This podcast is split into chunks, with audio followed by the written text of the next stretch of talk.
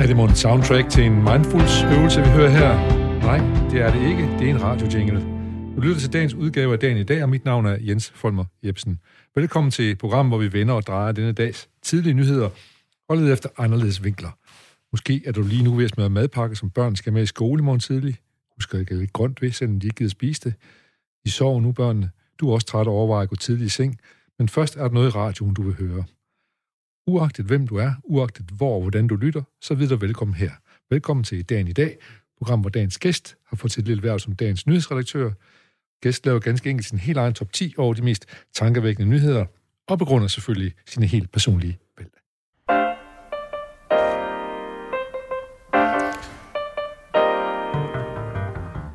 Ja, og når dagen i dag byder vores gæster og vores lytter velkommen, så gør vi det selvfølgelig altid med en herlig sang på læben.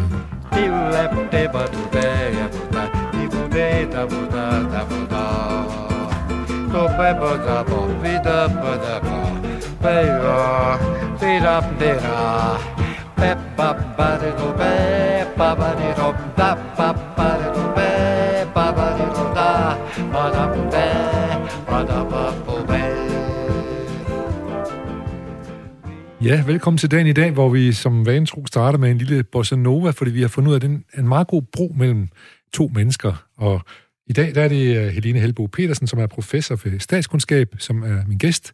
Og øh, du så også, som du godt kunne lide en lille bossa nova i snæver vending. Ja, så får man lige skuldrene ned og ja. luft ned i maven. Det er ja, godt. Ja. Og humøret stiger også bare en lille smule, i hvert fald herover. Og øh, Helene, du er, skal lige præsentere dig, udover at du er professor i statskundskab, skal jeg også lige præsentere, at du er, kommer fra Himmerlands hovedstad, Hobro. Det er rigtigt. Og hvis øh, Hans Kirks øh, bøger står til trone, så har du, er du vokset op med en, en mild og gavmild Gud. Jo, jo, det er helt bestemt rigtigt. ja. det gør man i Hobro. det gør man i Hobro, ja. Fordi øh, han, han sammenlignede nemlig sin mormor, der boede i øh, Himmerland, med øh, farmor, der boede ude ved Vestkysten, hvor der var en streng gud. Ja, min øh, far kom fra Vestkysten, og min mor kom fra Djursland, så, så du, jeg er lige den præcis dual, der. Den dualitet er du også øh, vokset op med. Men jeg tror ikke, at du har taget mest øh, øh, farve af din Himmerlands øh, opdragelse i Hobro. Ja, det er nok rigtigt. Øh, jeg skal sige, at du øh, er aktuel med nogle bog, øh, som handler om øh, embedsmænd, øh, når de lovgiver. Hvad handler den om? Ja, det siger sig selv, når embedsmænd lovgiver, hvad det handler om, men, men hvorfor er det vigtigt at skrive en bog om det? Jamen, det var egentlig en, øh, en bog, vi har skrevet. Øh, jeg har skrevet den sammen med tre kollegaer, ja. øh, og det er Folketinget, der har bedt os om at forske i det, og så har vi så besluttet os for at skrive en bog om det. Og det handler om, at Folketinget, den måde Folketinget lovgiver på i dag, der skriver de en masse det, der hedder bemyndigelser ind i lovgivningen. Det vil sige, at ministeren øh, får lov igennem lovgivningen til at udfylde reglerne nærmere.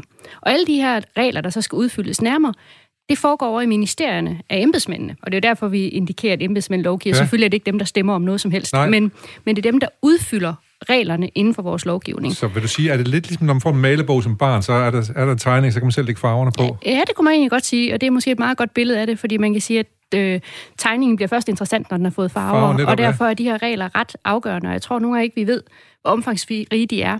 Og det, vi var optaget af, det var, i hvor høj grad Folketinget så har kontrol med alle ja, de her ja, regler. Ja, og ja. Om, om, om borgerne har også, om der er transparens, det er jo Lige også vigtigt præcis. noget af. Ja. Og hvad er svaret? At, øh, at embedsmændene er lojale og øh, faktisk forsøger at implementere efter den politiske hensigt. Ja. Men der er ikke ret stor aktivitet i Folketinget i forhold til at føre kontrol med det. Nej. Øh, så der er nok nogle, nogle steder, vi kunne øh, udbedre det, og det er meget aktuelt i forhold til coronalovgivningen, vi har set nu, hvor der netop også blevet givet rigtig mange af de her bemyndigelser. Ja. Øh, så, så det er meget aktuelt, faktisk. Det vender, det vender vi mm. lidt tilbage til. Men man, man kunne lave en rigtig god film omkring de her bemyndigelser. Nogle af en eller anden embedsmænd, der bare tager bare tager fat og kørt et helt andet sted hen, end de har regnet med. Ja, det, hvis vi havde fundet sådan en sag, ja. så tror jeg, at vi havde et rigtig godt filmmanuskript. Ja, ja. Lige nu er jeg bange for, at den godt kunne blive lidt mere kedelig. Det blev lidt kedelig, okay. og så skal jeg sige, at du forsker også i, øh, i hvad hedder det, politiske partier, øh, og om, at det bliver mere og mere øh, personligt, i stedet for at det bliver partierne, der, der, der der ligesom tegner billedet? Ja, jeg har været meget optaget af, hvordan partier organiserer sig, hvordan de mobiliserer vælgerne og engagerer vælgerne. Øhm, og mit seneste forskningsprojekt handler om, hvorvidt at personer bliver vigtigere i politik, både for hvem, der har magten i partierne, men også hvem vælgerne orienterer sig imod. Øhm, og det, det vil jeg gerne skrive en ny bog om, som jeg håber at komme i gang med ja. lige her efter jul. Der skal handle om politikerne, og hvordan politikerne ser sig selv som repræsentanter. Altså er de repræsentanter for et parti, eller er de personlige repræsentanter, som går deres egne vegne? Er det fordi partiet måske mere og mere bare bliver noget, som som, som bare lige laver en svag farve af noget, og ikke har de der store interesser, som der lå i partierne i gamle dage. Der er ingen tvivl om, at partierne har ændret deres ja. øh, måde at appellere til vælgerne på, og vi har heller ikke, øh, de har ikke samme forankring i nogle sociale strukturer, fordi vi som vælger ikke er lige så meget øh, støbt af vores øh, bagland Nej. og vores sociale position. Vi er ikke husmænd, og så stemmer vi på det radikale og sådan noget der. Sådan Nej, fungerer det ikke mere. Lige præcis, så den der kobling er der ikke øh, længere. Men, men faktisk viser mange af mine resultater nu, at politikerne stadig er meget bevidste om den er nødvendigheden af partidisciplin, nødvendigheden af at holde sammen som parti. Så jeg tror, at partiernes rolle i forhold til at aggregere interesser er stadig intakt. Øh, og så er noget af det, jeg synes, der er spændende ved det, det er, at vælgerne faktisk er mere optaget af at få nogle mere selvstændige politikere, men politikerne er øh, betænkelige ved at gå i den retning, fordi at det kan ødelægge nogle af de fordele, der er ved at fungere som partier. Okay, og, og så blev det også måske lidt amerikansk præsidentvalgkampsagtigt lige pludselig i stedet for. Ja, lige præcis. Så de selvfølgelig også partier derovre, men... Men øh, jeg kan i hvert fald øh, lige nævne her, at øh, faktisk en kollega, Johannes Andersen, har skrevet en bog, der hedder Demokrati uden partier. Ja. Hvor det måske også lige handler lidt om, om, omkring, at det er personerne, der prøver, at det måske dem mere og mere, der tegner billedet. Men, øh, men hvornår kommer din bog om det? Ja, jeg håber, den bliver færdig om et år. Ja, vildt spændende mm. jo, kan man sige. Mm. Og sådan en sidste ting, som øh, jeg synes er også er interessant af det, du laver, det er jo, at du, øh, du også øh, forsker i, hvordan man øh, forhandler, øh, arbejdsmarkedets parter forhandler. Ja, altså i det hele taget, hvordan man laver forlig, både mellem partierne, forlig, ja. men også mellem interesseorganisationerne. Ja. Øhm, så jeg er optaget af i det hele taget, hvordan, de her, øh, hvordan vi mødes, øh, når forskellige aktører med magt øh, skal finde et kompromis sammen. Ja, og det lykkes meget godt i Danmark, at ligesom din har indtryk af, at du øh, synes i forhold til mange andre steder i hvert fald. Ja, altså jeg tror i hvert fald, det er et meget vigtig værdi for os, og der er ikke nogen, hvad kan man sige, skam forbundet med at gå på kompromis. Og det tror jeg kommer af en lang, lang tradition for øh, koalitionsdannelse og kompromisdannelse. Og det er godt for demokrati? I hvert fald er der flere, der bliver hørt. Man kan sige, at det bliver lidt mere utydeligt, hvem der har ansvar. Ja. Her kan jeg så bare lige pege på Polen, for eksempel, hvor en præsident lige har vundet med 51 mod 49 procent, eller endda endnu mindre, og så tager de bare hele magten. Ikke? Ja, lige præcis. Ja. ja. Godt. Vi skal, vi skal simpelthen i gang med, fordi alle de her øh, ting, øh, som du har forsket i og interesseret dig for, de kommer måske til at farve nogle af de nyheder, du også har valgt, så vi kommer, vender tilbage til nogle af de her temaer. Nu skal vi lige have et spark bag i, og det får vi af det her nyhedsgroove.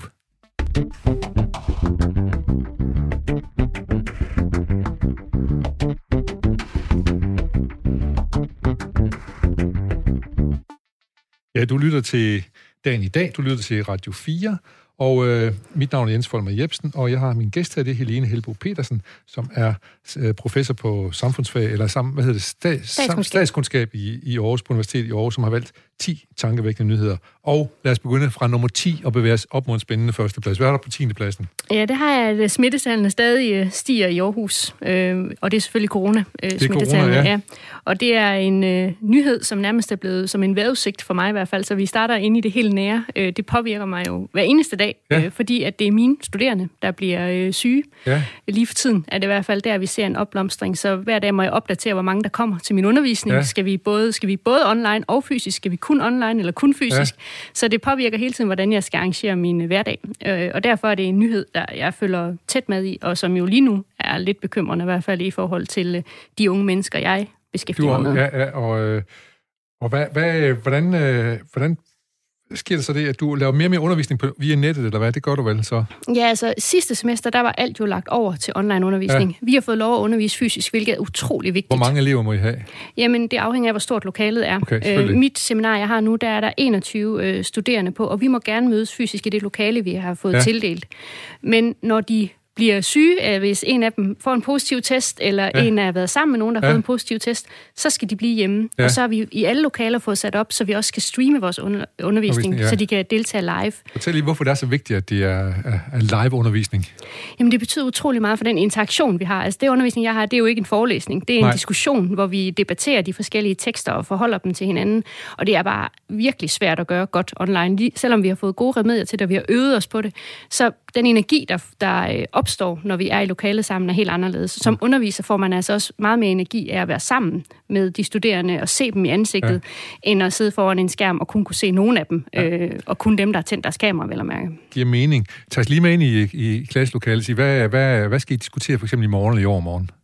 Næste gang øh, vi ja. har undervisning, der skal vi, altså det øh, seminar, vi underviser i, jeg underviser sammen med min kollega, kollega Rune Slothus, der vores fag, det hedder partierne, øh, demokratiets skurke eller helte. Ja. Så hver eneste time handler om en ny vinkel på, om partierne nu er demokratiets skurke eller helte. Og lige nu handler det om holdningsdannelse, og om hvorvidt partierne manipulerer, ja. øh, nu siger jeg det med godsøjne, det kan ja. selvfølgelig ikke se ud i radioen, øh, manipulerer vælgerne til nogle bestemte holdninger, eller om partierne forsøger at finde øh, vælgernes holdninger og dermed øh, få overensstemmelse. Så næste gang skal det specifikt handle om, om partierne har omdømmer, som er afgørende for vælgernes øh, vurdering af deres ja. budskaber. Godt, og det kan, hvis der er nogle af dine elever, der hører det her, kan de jo allerede nu begynde at forberede sig på det. Så. Ja, det må ja. de meget gerne. Ja. Øh, jeg skal lige sige, du, du, du nævnte, at du hørte ligesom du hører øh, vævesigt. Vi har her i programmet også tidligere talt om, at det er ligesom øh, pollental for eksempel, at der hver der kommer et eller andet, så kan vi forholde os til det og ved, hvornår vi skal passe på og så mm. videre. Ja. ja. Så, men øh, men i hvert fald øh, er det noget, der påvirker os alle sammen helt hysterisk vildt. Det bliver godt, når vi får de her bare... Øh, de, der kommer jo snart formodentlig regner med, at der kommer en, øh, en test, som vi kan tage på et kvarter. Ja, det vil være smart. Vi ja. har lige fået et testcenter i Aarhus, på Aarhus Universitet, ja. øh, som gør, at det er meget nemmere at komme til. Det er også en vældig hjælp. Det, det er en stor mm. hjælp, jeg kan forestille mig. Øh, vi skal videre til dine tankevækkende nyhed nummer 9, og det er, der har du måske lavet en lille fin bro over til, den handler om influenza-sæsonen.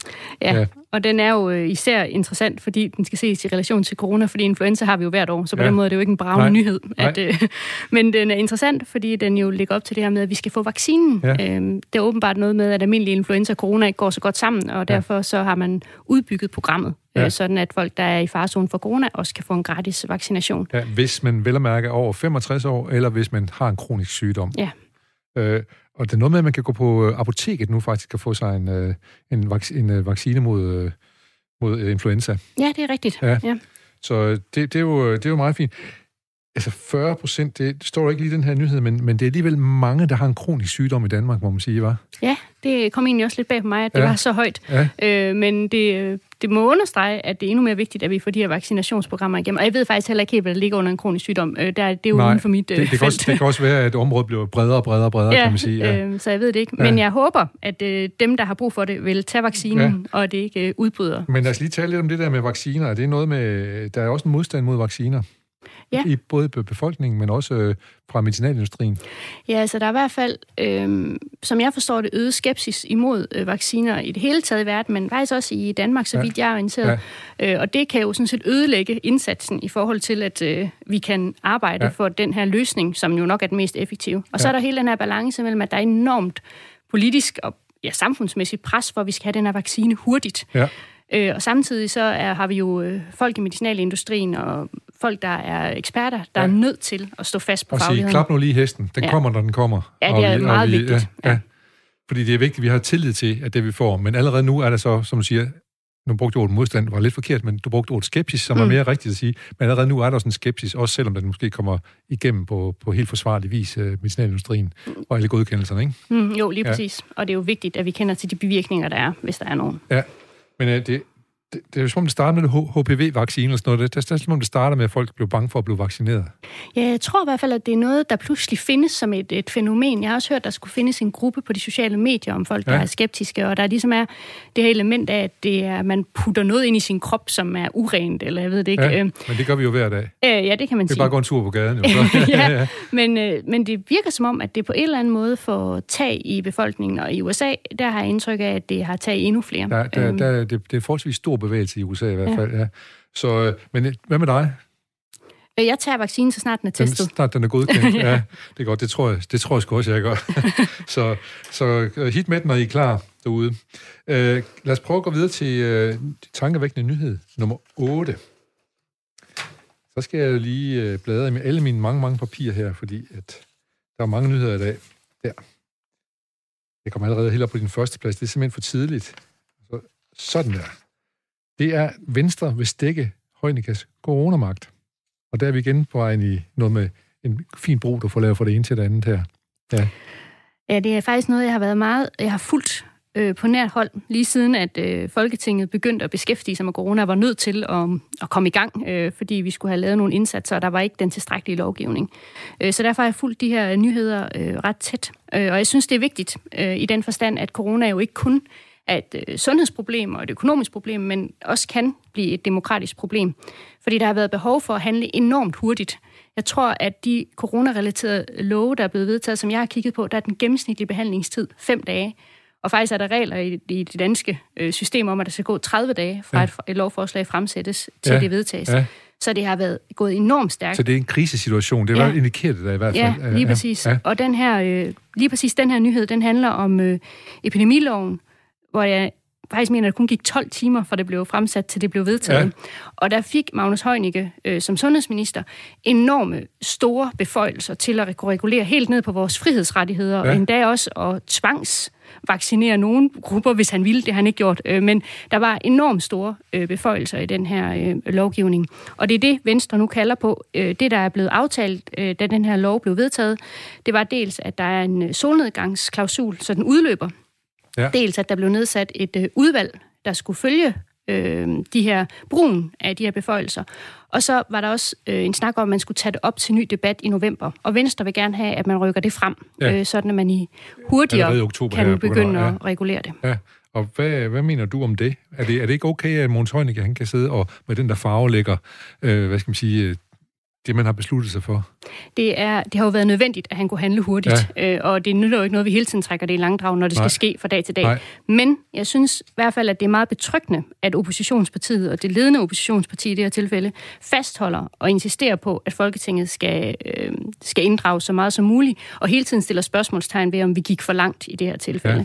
Så, så der er en risiko for, at magtkoncentration øh, avler et ønske om at fastholde den magt, og ikke nødvendigvis fordi Magnus Højge er en slet person, det tror jeg bestemt ikke, han er. Han Nej. har gjort masser af godt, ja. men simpelthen fordi, at det er en forvaltningskapacitet, han vender sig til at have, og der ja. tror jeg altså, det er godt, at der er nogen, der, øh, der råber op, og i hvert fald stiller spørgsmålstegn ved det. Det der med at vende sig til at have, det er noget grimt noget, du siger det. Det er simpelthen ligesom, okay, nu har jeg nu, så nu må jeg afgive det, så, så fortæller man som kæmpe stort tab lige pludselig.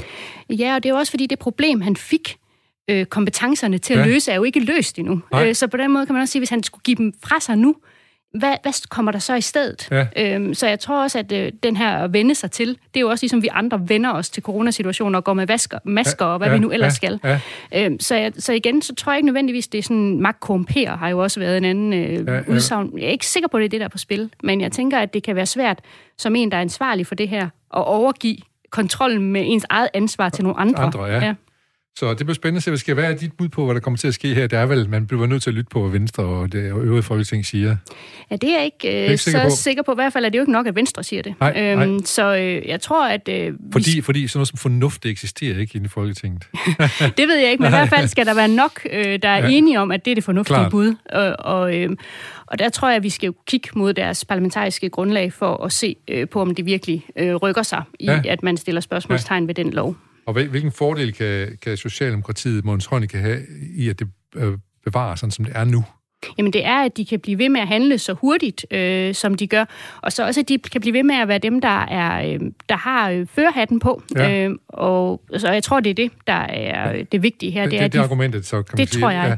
Men, men omvendt så siger man så også, at man, måske med nogle ting har de været lige lovlig hurtige, hvor de så simpelthen kørt hen over eksperter, som vi lige talte om før, øh, øh, og, og ligesom lovgivet, eller i hvert fald henstillet til, at man gjorde nogle bestemte ting, som der måske ikke var dækning for nødvendigvis. Ja, det er også det, der ligger i Venstres forslag ja, her, det er, at de vil have en anden form for styring af det. Jeg tror, det er en epidemikommission, hvis jeg husker det rigtigt. Ja. Øhm, et eller andet, jo, der var det epidemi, ja, ja. epidemikommission, som så skal være fagligt forankret, så vi netop kommer lidt ud over den her mudring med, at man kommunikerer, det er på et fagligt grundlag, men selvfølgelig er sådan noget altid truffet også ud fra nogle politiske vurderinger, og det er jo derfor, vi har politikerne. Det er klart, og det her er også noget, man kan, så kan drille Socialdemokratiet med, ved at sige, vi synes, det skal være fagligt underforstået. Det har I måske ikke gjort hele tiden. Ja, og så ja. også underforstået, at der ville være et rigtigt fagligt svar, hvilket nok ikke er tilfældet. Det er heller ikke tilfældet, ja.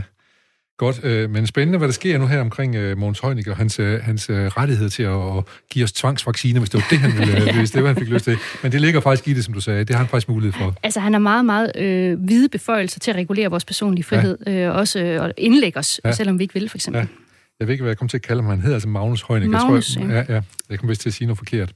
Men nu er det i hvert fald korrekt, korrektion på det. Han hedder Magnus Heunicke. Øh, Lad os øh, straks gå videre til øh, fødevarebranchen, som du har som en øh, nyhed. Tankevæk nyhed på syvende pladsen. Det er landets største virksomheder. Det er jo fordi, du har valgt det her, fordi det er madspilsdag i dag. Ja, det er ja. rigtigt. Jeg synes, at hver dag har, eller hver, hver lille bevægelse har sin egen dag efterhånden. ja. Ikke? Ja. Men nu er det som madspilsdag i dag, og det er i hvert fald noget, der er værd at tænke over. Og hvad har det for dig til at tænke?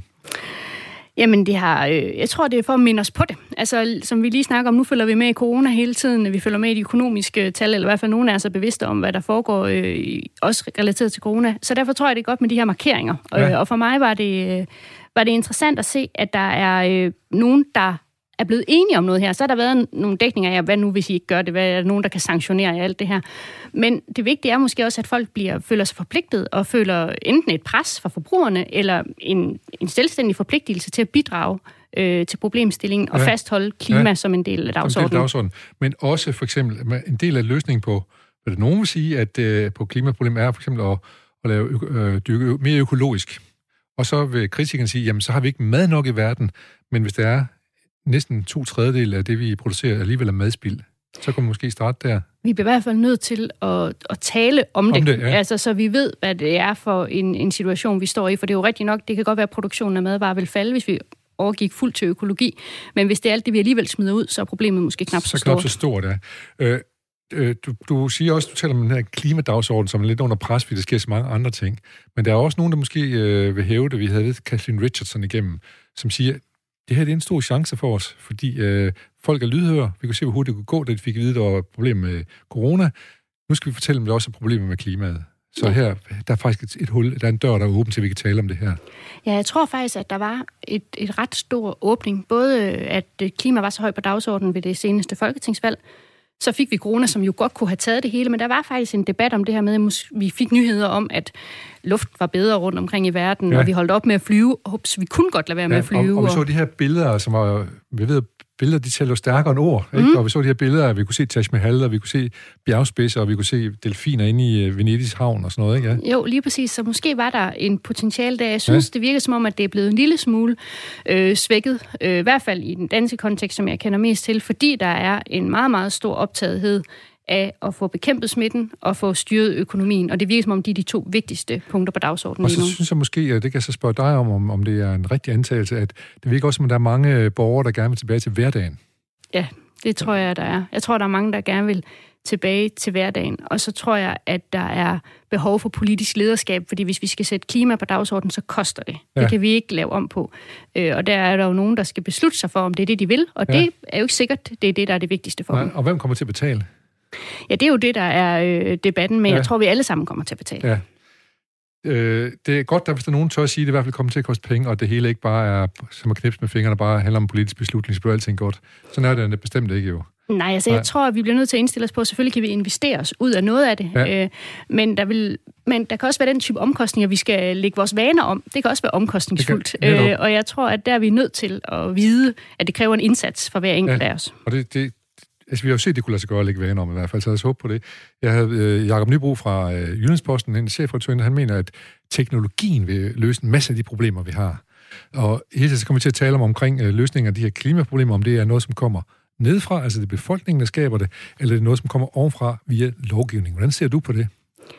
Øh, jeg ser på, at det forhåbentlig kommer begge veje. Jeg tror faktisk ikke, noget af det kan komme alene. Nej. Altså, jeg tror ikke, at... Øh, at hvis befolkningen ikke understøttes af nogen, øh, en top, som har lyst til at, at vise vejen frem, ja. øh, så er jeg ikke sikker på, at de initiativer bliver store nok. Nej. Altså, selvom at jeg begynder at sortere mit affald rigtig meget og stemmer måske en dag efter det, hvis jeg ikke er nogen, der ligesom tager teten op og bringer det op på EU-niveau eller endnu højere, altså, så er jeg ikke sikker på, at jeg kan redde verden med min affaldssortering. Med, med affaldssortering øh, så jeg tror, det skal komme begge veje fra. Til gengæld, hvis det kun kommer fra toppen, så tror jeg, at man ender med ikke at få befolkningen til at føle, det er deres problem, og så bliver ja. de optaget noget andet. Ja, noget andet. Øh, øh, vi kan i hvert fald øh, se, at der er flere og flere virksomheder, som er ikke om ikke de finder under pres, man kan se en fordel i at øh, vælge en mere, øh, det er en grøn løsning, kan man sige, eller klimavenlig løsning. Novo Nordisk har så blandt andet sine øh, underleverandører om at skære ned på deres CO2-udslip, altså vil de ikke handle med dem mere, fordi der er forbrugere, der, der stiller krav om, at nu, nu skal tingene skulle være i orden. Ja. Måske det er det allervigtigste, at vi hele tiden tænker det med i alt, hvad vi gør. Ja. Øh, og på den måde øh, kommer, øh, kommer til at, at tage klimaspørgsmålet ind i hver eneste gang, vi køber sko, eller hver eneste gang, vi skal lave en ny øh, handelsaftale. Ja. Øh, så fra top til bund øh, tager det med i Har vi bevidst vores... omkring det. Og i dag, hvor det er madspilsdag, der kan vi også se, at der er flere virksomheder, som har taget det til sig. Øh, ja, de har jo besluttet, at de vil øh, forsøge at begrænse deres øh, madspild. Øh, og det er store aktører. Det er Arla, og det er Coop, og det er Salling. Danish Crown, ja. og, så, og så videre, ja. Ja, så det er store aktører, der har der har forpligtet sig på det her, ja. og, øh, og det synes jeg er godt, at øh, ja. det, man kan sige, det er et mellemniveau. Det er hverken ja. vores politiske niveau eller os som borgere, Nej. men det er et mellemniveau, som også øh, tager det her til sig som en del af deres ja. dagsorden. Det er vigtigt. Jeg kan se, McDonald's står hos. Ja. Jamen altså, de skal da være velkomne, de skal, hvis de, de har lyst til at bidrage. De skal være velkomne, men jeg har hørt fra en, som studerede lidt, at McDonald's chicken nuggets, de er, hvis de bliver mere end, jeg kan huske, hvad det er, 10 timer gammel, så bliver de så hårde, de kan slå folk ihjel, hvis man rammer dem i hovedet med dem. Så, ja, jeg er ikke sikker så, på, at, øh, at madvarespil øh, følges af sund kost. Sund kost, altid, nej, ikke nødvendigvis. Godt. Øh, lad os prøve at gå videre til øh, din tankevækkende nyhed på 6. pladsen. Den handler om Macron, som er præsident i Frankrig. Han er taget på rejse, han er taget til, helt til Hvide Rusland. Nej, han er taget til Litauen.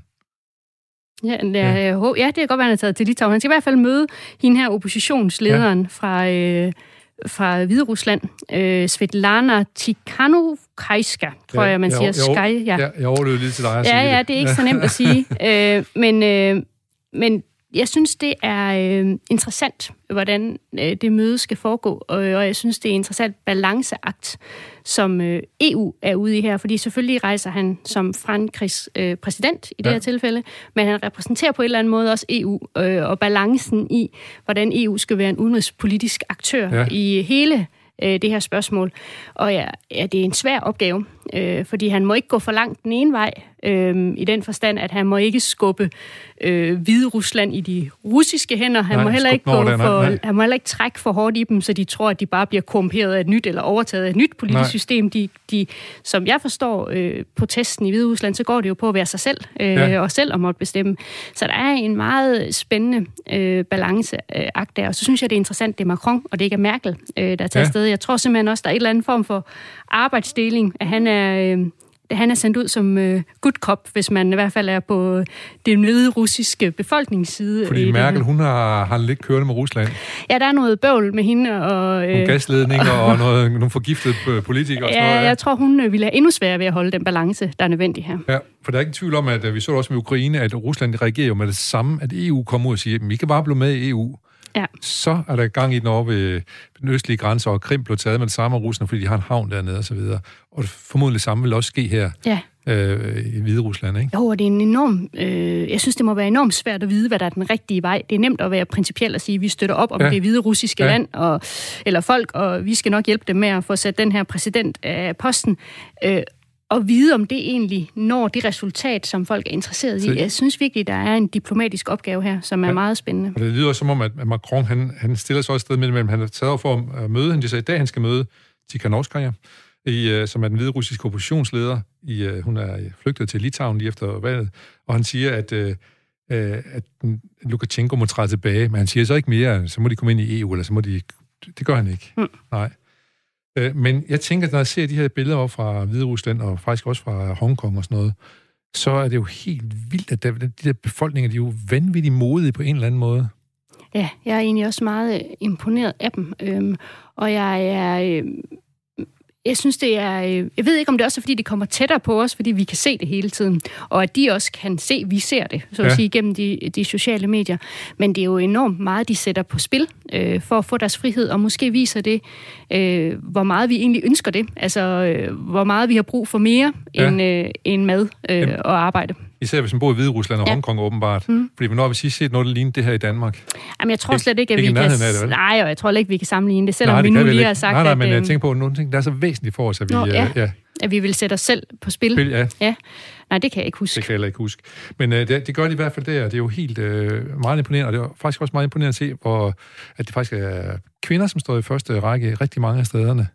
Ja, og også har formået at holde det fredeligt øh, i, i stort omfang. Ja. Øhm, så ind, synes, indtil soldaterne begyndte at slå på dem, eller politiet begyndte at... Ja, ja. det er i hvert fald øh, den måde, vi har fået Prøv det øh, præsenteret, på, ja, ja. Og jeg synes, at det er... Øh, øh, det, det er meget inspirerende at se. Jeg håber, at de får succes med det, øh, fordi det værste, der kan ske, det er jo, at man nu tager modet fuldstændig fra dem, og måske også i flere generationer frem. Men hvad er det bedste, der kan ske?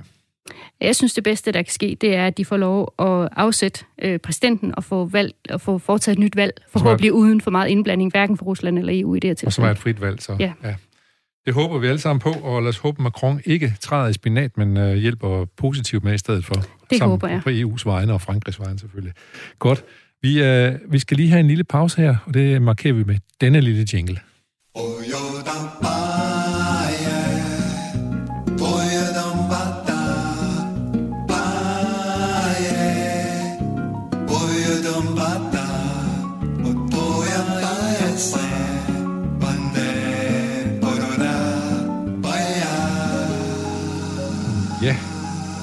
skal nemlig nu tilbage til øh, dengang dagen i dag var i går. Vi skal prøve at se, hvad der skete på den 29. september på, i nogle helt andre år. For eksempel så øh, i 1964, den 29. september, der tager den danske svømmer Greta Andersen og svømmer over den engelske kanal. Og hun gør det med rekordtiden 14 timer og 40 minutter. Helene, hvad tænker du om det? Kunne du tage sådan en tur over den engelske kanal der? nej, det er der ingen chance for, jeg vil Det er der ingen chance for, nej. men du er ikke, du er ikke vinterbader og sådan noget, som halvdelen af Aarhus befolkning er? Desværre, jeg svømmer gerne, men helst i varmt vand. Helst i varmt vand, det kender jeg godt lidt fra mig selv af. Men uh, Greta, hun svømmer i hvert fald 14 timer og 40 minutter i 1964. I 1978, der var der en, der hed Pave Johannes Paul den første. Ham husker du måske ikke så godt igen. Nej, det gør Nej. jeg ikke. Han nåede altså heller ikke at være øh, pave mere end 33 dage, så blev han fundet død i sin seng. Det var trist. Hvilket selvfølgelig også gav en hel masse anledning til konspirationsteorier osv. Øh, for mig, en mærkedag for mig i 1968, det er jo, at Jørgen Jorting og Danmarks Radio lancerer Dansk Toppen. Det var jo det var en steady ting, der kørte i rigtig, rigtig mange år. Øh, og der var mange gode øh, sange, der kom i, igennem den stoppen, men det er nok lidt før din øh, tid, det er i hvert fald 68, det er jo nok, der satte nok ikke med øvrigt i radioen. Nej, åbningen var jeg nok ikke med til, men Dansk Toppen har jeg i hvert fald lyttet husker til. Husker du glimrende, ja. Jeg kan huske det, jeg synes, det var så vildt, jeg sad med, jeg var ikke særlig gammel, og sad en transistorradio, for det, vi har ikke bilradio, når vi skal over til min mor og mor på Fyn, vi skal køre fra Aarhus af, og så sad jeg og forsøgte at finde frekvenser, jeg kunne høre danstoppen. Nå, nok om det. Øhm, så er der en her, britiske videnskabsfolk offentliggør en forbindelse og en smitterisiko mellem den frygtede hjernevirus hos køer, kogalskab, og en tilsvarende uhelbredelig sygdom, Creutzfeldt Jacobs, der kan ramme mennesker. Det var i 97. 29. september, man fandt ud af det. Det husker du vi godt, ikke? Jo, jeg kan godt huske det. Jeg kan i hvert fald huske, at jeg var bange for kogalskab. Ja, ja. Øh, jeg var nok ikke gammel nok til helt at, at vide, hvorfor, men jeg var frygtelig bange for bange, det. ja. Og øh, det nåede aldrig rigtigt at komme til Danmark sådan for alvor, vel? Øh, I hvert fald ikke at ramme mennesker. Ikke hvad jeg husker. Ikke, det, det, det er jeg ret overbevist om, det ikke gør. Det kan være, ikke spørge Emil, om han kan lige tjekke ud, øh, om der var nogle mennesker, der kom galt i stedet Danmark af kogalskab. Men det var nok, øh, som du sagde, det var nok mere angsten for kogalskab, som, øh, som martrede os dengang.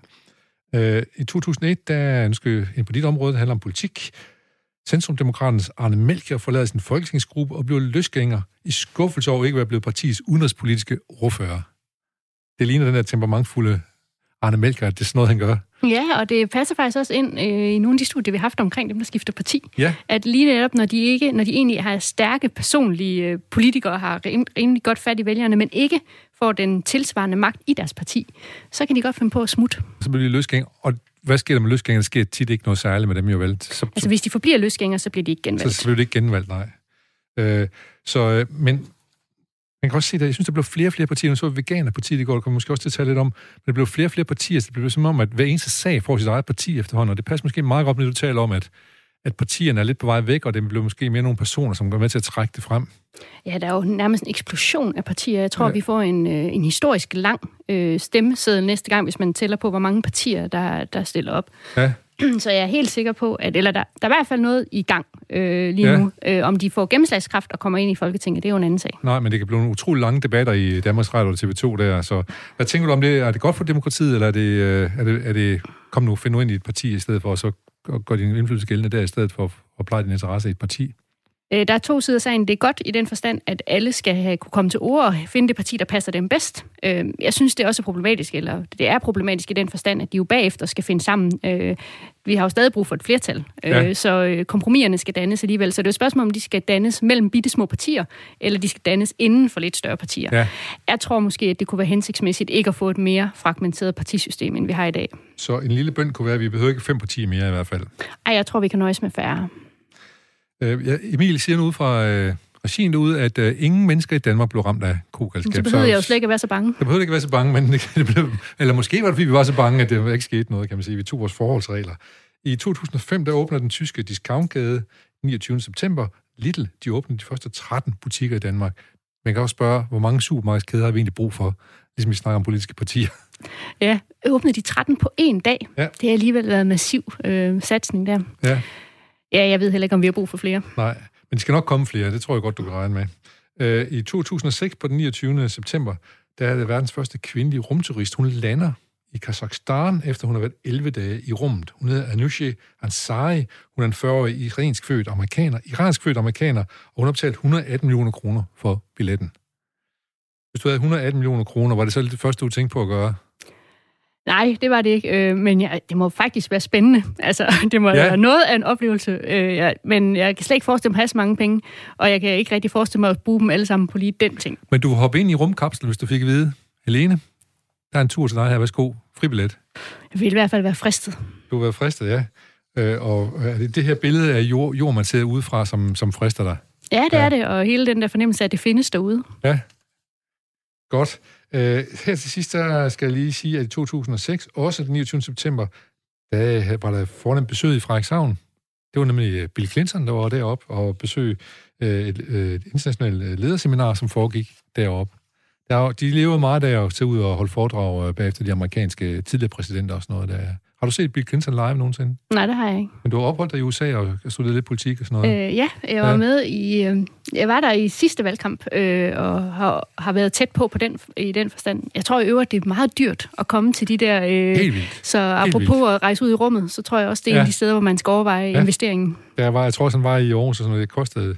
Hvis, ja, det hvide ud af ørerne i hvert fald, det er helt sikkert. Godt, der er bare lige, øh, vi har lige et par fødselsdage, det plejer vi altid lige at fejre. Lech Valenza, polsk fagforeningspioner og Polens præsident. 90-95, og der kan man tale om et oprør, som fik held, kan man sige. Øh, det var jo arbejderne på skiftværften, der øh, med ham i spidsen øh, demonstrerede mod det kommunistiske styre i Polen. En anden politiker har også fødselsdag i dag, Silvio Berlusconi. Lidt en anden type. Lidt en anden type, og for min skyld kan han godt blive hjemme i bunkerloven. Den amerikanske musiker Jerry Lee Lewis, rocksanger, har også fødselsdag i dag. Tillykke, Jerry Lee. Han er i gang med sin 12. kone, tror jeg, hvor den yngste vist var en 14-årig kusine, han giftede sig med på et tidspunkt. Det var langt ude. Og så er der selvfølgelig Anissa Ekberg, den svenske, som man kalder det, sexbombe, som var med i filmen Det Søde Liv fra 1960, som blev øh, øh, vendt i gyldne palmer i Cannes og, Cannes, og var også Oscar nomineret for sit manuskript. Det var det, det berømte film, hvor hun bader i øh, uh, Trevi Fontæne sammen med Marcello Mastroianni, som vist nok havde fødselsdag i går. Så har vi styr på den del i hvert fald. Og så skal jeg også lige sige, at Michel, vi er italienske film, så er Antonioni, han har også fødselsdag i dag. Nu kan det være nok med alle de her fødselsdage. Vi skal bare lige sende en hilsen til Tony Curtis og til Niels Jørgen Kaiser, som døde den 29. september heldigvis i 10 og i 01. Og en, vi lige måske lige kan vende her. I 2004, der dør Christa Pettersson. Kan du huske ham? Nej. Han var hovedmistænkt for palmemordet. Ah, no. Ja, og han blev faktisk også dømt for det på et tidspunkt, fordi at Lisbeth Palme mener at kunne genkende ham fra aftenen, men, det, men, men fandt så ikke nogen andre fældende beviser. Han blev løsladt igen, faktisk. Ja. Godt. Nok om alle de her begivenheder, vi kigger tilbage. Nu skal vi kigge fremad igen, og øh, det skal vi sammen med Helene Helbo Petersen, som er professor ved øh, statskundskab i Aarhus. Og vi blev igen sparket i gang af vores lille nyheds jingle groove.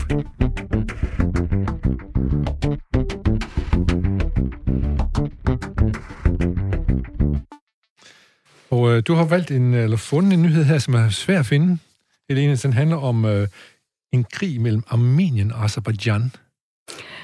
Hvad er nu det? Ja, hvad er nu det? Og øh, øh, det vi, altså, der har jo været konflikt over utrolig længe, så på den måde er det jo ikke nyt, at der er konflikt men nu skyder de for alvor, og øh, jeg ved ikke, jeg kender ikke termen til, hvornår man må kalde det en krig, Nej. men når der er civile dræbte, og der ryger øh, missiler ind over grænserne, så er det i hvert fald krig nok for mig. Ja. Øh, og dermed også en nyhed, jeg synes, at øh, man, man skal tænke over, det ligger lige på grænsen øh, til EU, det er faktisk øh, tæt på os, og, øh, og jeg synes, at øh, jeg var egentlig overrasket over, at jeg skulle kigge så længe for at finde noget nyt om ja. den. Øh, jeg kunne finde alt muligt om alverdens øh, mindre ting, og især USA var godt ja. dækket. Øh, men den her konflikt, synes jeg faktisk ikke var så nem at, at få noget forståelse for. Og, øh, og det er egentlig også derfor, jeg tog den med. Det var, at jeg, jeg har svært ved at forstå den. Altså, ja. jeg, ved at jeg, jeg kan godt læse op på historien, og kan godt se, hvordan der er landområder, der er blevet placeret forskellige steder, og hvordan de kan kæmpe om det. Men hvorfor kom der et angreb lige nu? Hvad ja. var det, der eskalerede hvad, konflikten? Hvad udløste? Ja, ja. Øh, og, og hvordan skal jeg forstå det sådan mere i storpolitisk i forhold til, hvad er det? Er det, er det noget, der også foregår mellem Tyrkiet og Rusland lige nu? Og, og jeg er godt klar over, at vi nok ikke kan finde alle svarene, men jeg kunne godt tænke mig nogen, der vidste mere om det end mig, der ja. ville hjælpe mig med at forstå det. Men øh, vi kan lige spørge, om der er nogen derude, der lytter på programmet her, som kan sende os noget ind, og I kan bare skrive til vores øh, hjemmeside, hvis det er sådan, at de ved noget om, hvad det pokker det egentlig er, der foregår. Men vi skal nok undersøge det, Helene, det lover jeg dig. Øh, men, men du, du, du er lidt inde på, at det måske kan være sådan en, en krig, hvor man så stedfortræder krig.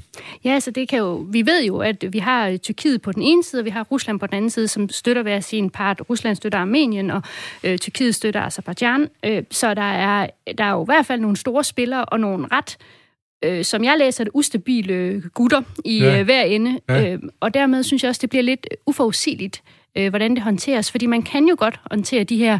Man kan blive enige om, at det skal ikke blive til mere, lo- vi lukker det ned. Sige, ja. Men man kan jo også bruge det øh, til at eskalere en konflikt. Øh, og, og lige nu er jeg lidt usikker på, hvordan det står. Jeg kunne forestille mig, at Rusland ikke har lyst til at åbne flere flanker, men, men jeg synes, at det er vigtigt. Og så synes jeg, det er vigtigt, fordi folk bliver slået ihjel. Civile ja, mennesker ja, bliver øh, slået ihjel. Vi har lidt øh, det samme, er det oppe øh, Kina og Indien, som også slås lidt hen over nogle grænser deroppe og slår, slår hinanden ihjel. Ja, i det hele taget. Uden det sådan at vokser helt vildt, men, men der er bare sådan lidt småkrig hele tiden der. Ja. ja. Så det, er, det må være noget med nogle, nogle magtpositioner, man skal ind og have fat i i hvert fald. Er det ikke også noget med Armenien? Det er jo også et af de der øh, af Tyrkiets værste fjender, kan man sige, eller fordi der var et folkedrab i Armenien, som, som armenerne forsøger at få tyrkerne til at tage ansvar for, og tyrkerne, ej.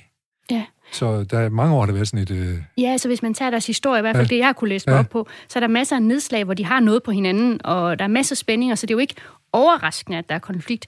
Men det er netop det der med, hvad er det, der udløser, at det eskalerer. Ja, jeg synes, ja, der er, ja, er vigtigt at finde ja, ud af. Det skal vi have fundet ud af, og det har vi lovet, og det skal vi nok ja, komme, det glæder mig til. komme noget bud på. Det gør jeg også.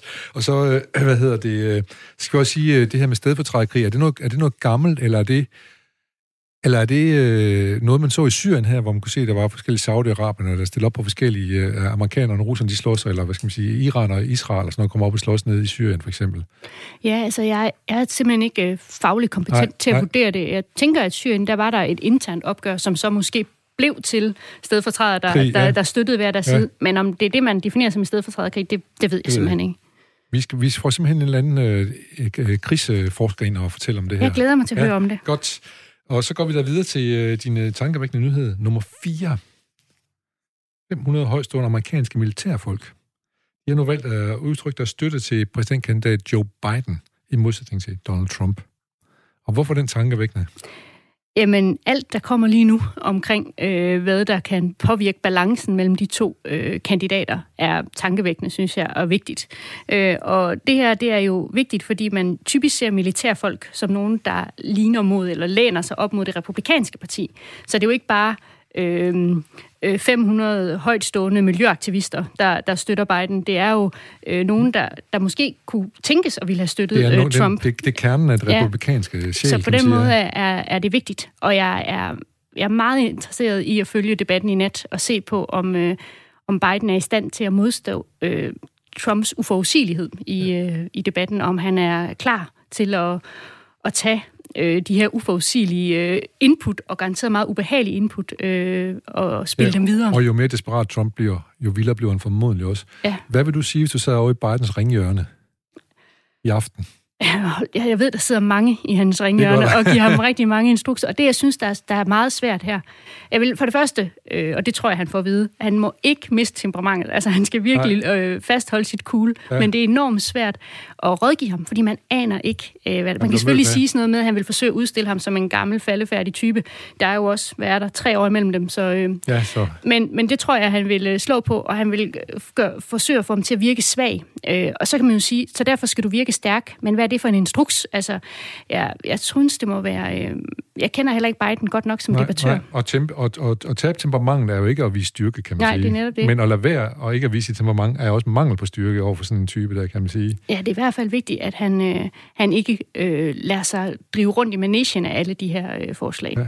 Er der nogle af de ting, som, øh, som du som forsker kan se ske i USA, nu har du som sagt øh, været over og kigge lidt på det ved sidste valg i 16, som du kan se nogle tendenser, som også er i Danmark?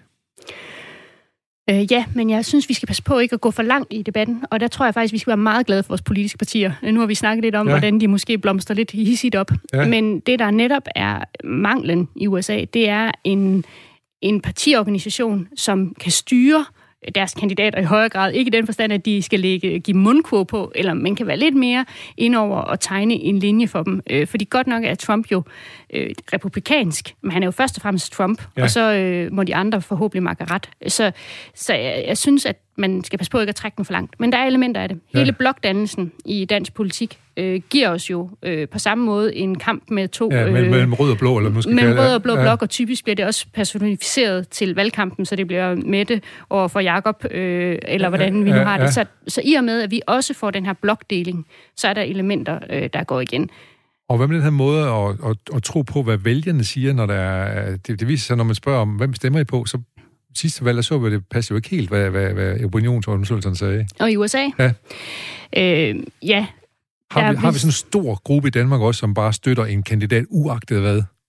Vi har i hvert fald også nogen, der er, har partiidentifikation, kalder vi det, altså ja. hvor man føler sig så tæt knyttet til et parti, at man er meget, meget svært ved at, at flytte sig øh, til et andet parti. Det var faktisk det, vi underviste om i går i mit ja. fag. Øh, men, øh, men der er også nogen, der er uafhængige og ikke har en stærk partiidentifikation, og de er, er mere tilbøjelige til at kunne, kunne flyttes. De flyttes mest inden for blokken, men, øh, men der er nogen, der kan rykkes fra parti til parti. Og, og det er også dem, så i, i sidste ende afgør valgene, kan man sige, når de er så forholdsvis tæt på hinanden, om de er villige til at flytte sig helt over på det radikale, eller til at gå over på... Det er i hvert fald det, der er en af partiernes ja, vigtige øh, opgaver, det er at finde ud af, hvem er til at flytte, så vi satser på dem, og ja. hvordan får vi dem så flyttet i den rigtige retning. Ja. Godt. Vi skal, vi, øh, vi skal gå videre til din øh, nyhed nummer tre, og det er kommunernes landsforening og medier, apropos om USA, vi lige snakker om. Der har jo virkelig været debat omkring fake medier og alt muligt andet. Og nu øh, vil man gerne have flere penge til medierne i, øh, i Danmark. Det er Kommunernes Landsforening derude, og med Jakob Bundsgaard i spidsen, som er formand for Kommunernes Landsforening, borgmesteren i Aarhus, som er med til at understøtte, at vi skal have øh, flere penge til de lokale og regionale medier. Hvorfor er det tankevækkende for dig? Jamen, jeg tror egentlig, det netop var tankevækkende, fordi jeg så det i det her samlede mediebillede, hvor vi lige havde talt om øh, USA. Og jeg synes, at, øh, at vi en af de ting, jeg opdagede, da jeg sad i USA, det var, hvor forfærdeligt det var at se nyheder øh, på begge kanaler, og alle kanaler, var jeg lige ved at sige. Ja, ja, så jeg netop. tror, at det her med at insistere på, det er vigtigt, at vi støtter medierne, både på lokalt, regionalt og nationalt niveau, ja. er afgørende ja. øh, for at understøtte, at vi har professionelle medier. Ja, der er ingen tvivl om, at jeg har været i USA til nogle øh, konferencer og sådan noget der. Det største problem, de har, og det siger de alle sammen, selv de klogeste hoveder, det er den der bias, som man nu kalder det i USA i hvert fald, at man kun hører på sit eget ekokammer. Og det her kan måske være med til at bryde op på det, ja, eller det, ja, det ved jeg ikke, om det kan bryde op, for vi har det jo ikke, men, og jeg siger heller ikke, at en statsstøttet... Jamen, så um, undgå det sker, ja. så, så må jeg så sige. Ja. altså, en, en statsstøttet medieforretning er måske heller ikke en perfekt løsning, men den er i hvert fald bedre, end det, jeg har oplevet i USA. Og jeg synes, at lige for tiden, der har jeg lettere ved at finde nyheder om USA, end om Aarhus, faktisk. Så ja. på den måde øh, synes jeg, at der er en pointe i at tænke over, om vi har nok dækning, øh, og nok kvalificeret dækning af regionale nyheder. Ja. Der var i hvert fald på et tidspunkt, da jeg voksede op i Aarhus, der var der både Aarhus Demokraten og Jyllandsposten og, øh, og så selvfølgelig også Aarhus Stifttidene, og så kom vi Høj Urvis også en gang om ugen der, så der blev vi i hvert fald fodret med lokale øh, øh nyheder.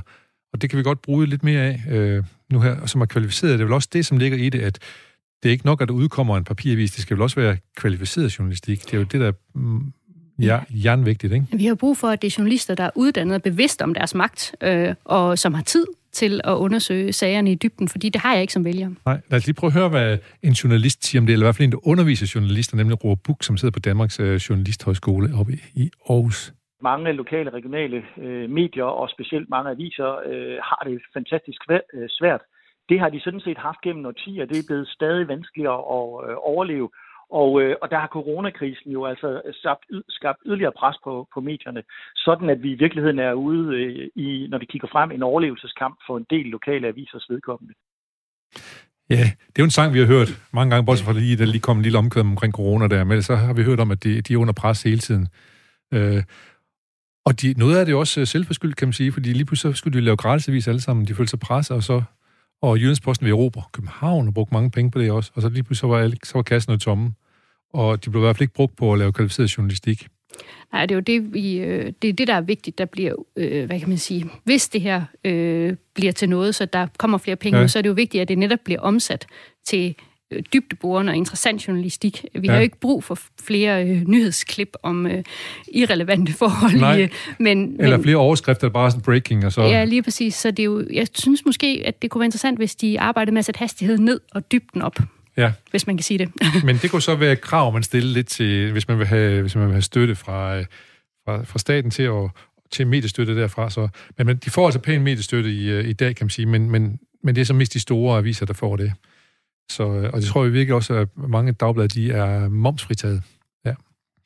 Godt, vi skal lige øh, skynde os videre, fordi ja, vi taler jo sådan, og det kan jeg, jo, kan jeg jo godt lide, når jeg har en god gæst som dig. Vi skal videre til øh, nyhed nummer, nummer to, som du har valgt. Øh, regeringen lukker to asylcentre. Ja, øh, jeg synes, det var en interessant nyhed i, øh, i stimen af de nyheder, jeg har øh, modtaget øh, den seneste uges tid. Øh, fordi vi lukker jo to asylcentre og et beredskabscenter, fordi der er et faldende antal asylansøgere. Jeg tror, det var, var det 1000 i 2020 ja. indtil videre. Ja. Øh, og øh, det lyder jo rigtig godt. Når vi så lige ser det i sammenhæng med de billeder og rapportager, vi har fra Moria-lejren, og med det arbejde, kommissionen lige er kommet med i forhold til en ny fælles øh, immigrationspolitik for EU, så synes jeg egentlig, det er lidt øh, tankevækkende, ja. øh, at hvor er de asylansøgere henne? Det ser jo ikke ud til, at der er blevet færre, øh, der har lyst der, der er behov for, for der at er behov for øh, øh, asyl. Nej, men der er færre i Danmark. Ja. Så hvorfor, hvorfor er, er det så, øh, så mange, der er, er, er bekymrede i Danmark over asylansøgere? Hvorfor er det sådan et stort tema for politikere hele tiden? Tusind asylansøgere, det er jo ikke, come on. Jamen altså, jeg tror, det er fordi, og det kan jeg jo ikke vide, hvorfor alle folk nej, nej, nej, men, men, men min, min læsning er det er, at vi jo nok godt kan være ramt af den utryghed, som et multikulturelt samfund medfører. Og der synes jeg også, det er vigtigt at anerkende, at der er nogle, nogle udfordringer og nogle problemer, som øh, vi oplever ja. øh, som konsekvens af indvandring generelt. Ja, ja. Ikke nødvendigvis de tusind asylansøgere, vi modtager nej. nu, men den generelle. Og jeg synes også, det er reelt at overveje, hvad kan vi klare som samfund? Hvordan hjælper Klart. vi bedst? Øhm, fordi man kan selvfølgelig tage en, en ædel position og sige, bare kom herop, øh, vi kan godt undvære et fladskærmsfjernsyn, og så er der også plads til dig. Ja. Men hvad betyder så det? Så enkelt er det heller ikke. I, øh, nej, så, så jeg synes, at det er en interessant problemstilling, og jeg tror, det er derfor, at man kobler det hele sammen, og så siger man, at vi skal bare ikke have flere, og jo færre, jo bedre. Ja. Øhm, og derfor er det jo så også en, en succeshistorie, bliver det her jo fremstillet som, at vi har så få. Ja, det, deres politik er lykkes med at gøre det så svært at være asylansøger i Danmark, man ikke har lyst til at komme. Ja. Som, så, øh, men øh, men øh, vores tanker går alligevel... Øh, lidt til de stakkels flygtninge nede på Moria, som sidder 12.000 i en lejr, der er på rent til 3.000 mennesker. Nogle ja, og personligt går min taknemmelighed til EU-kommissionen, der forsøger Fordi, at finde forsøger en løsning. Ja. ja. Og det vi har råbt om i mange år, det må være en EU-løsning, der skal til. Ja, men det ved jeg ikke, om vi har råbt om mange år. Ja, men her. nogle partier har det. ja, ja, ja. øh, så øh, øh, jeg er utrolig taknemmelig over, at vi har et øh, system, der på den måde tager problemet op der, hvor det er. Øh, ja. Og ikke, øh, vi kan jo ikke som, som Danmark styre, hvordan flygtninge bevæger sig hid og did, og vi, bliver, vi har i hvert fald ikke gavn af, at der skabes uro andre steder, fordi vi ikke øh, vil Nej. hjælpe til løsningen. Så det er det store billede, vi er nødt til at kigge på. Ja, simpelthen. jeg synes, at de har været meget moderate og meget øh, forsøgt at finde et godt kompromis, kompromis i kommissionen. Ja, ja. Så, øh. Lad os håbe på, at Danmark bakker op om det. Ja. Vi går videre til øh, din øh, nyhed nummer et. Danmark dømt for umenneskelig behandling i psykiatrien. Det er jo nærmest tortur, de er blevet dømt for her, ikke? Mm, ja. Fortæl om det. Altså, jeg må indrømme, at jeg øh, øh, spæde øjnene op, da jeg så det. Altså, Danmark er blevet dømt ved menneskerettighedsdomstolen. Ja, det er ikke hverdagskost. Det er mit land, mit hjemland, ja. der er blevet dømt øh, ved menneskerettighedsdomstolen. Spejderne i klassen, ikke? Ja. ja, eller sådan vil jeg i hvert fald gerne se os selv. Ja, øhm, og de, det, det synes jeg er en vigtig nyhed, og vi bliver nødt til lige at forholde os til, hvad det går ud på. Det handler om psykiatrien, og det handler om, at man har været øh, fastspændt i bælte for lang tid. Øhm, og det er jo ikke kun noget, menneskerettighedsdomstolen har påpeget, det er også noget, vi har haft til debat. Øh, og jeg synes, det er det endnu en, øh, en grund til at fastholde øh, debatten om, hvordan vi behandler psykisk sygdom øh, ja. og psykiatrien i det hele taget i Danmark.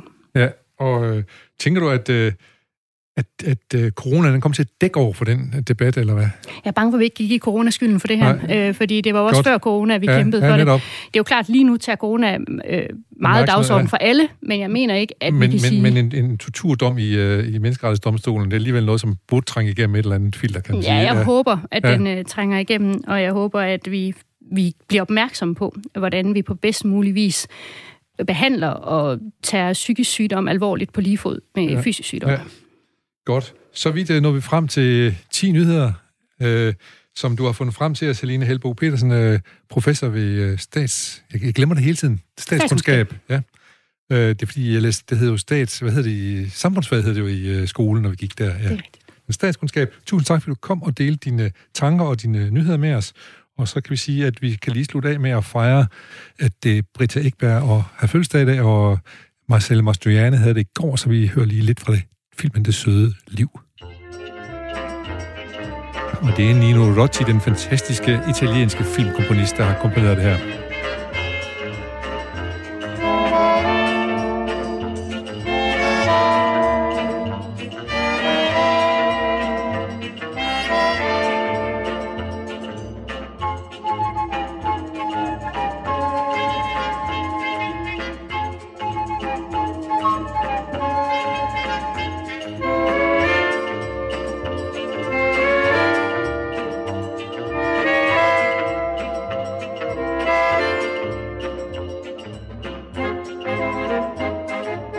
Således fik vi lidt sydlandsk stemning her på vej over i radiovisen, og det er i dag Dagmar Eben Østergaard. Det kan blive, næsten ikke blive bedre. Her er nyhederne.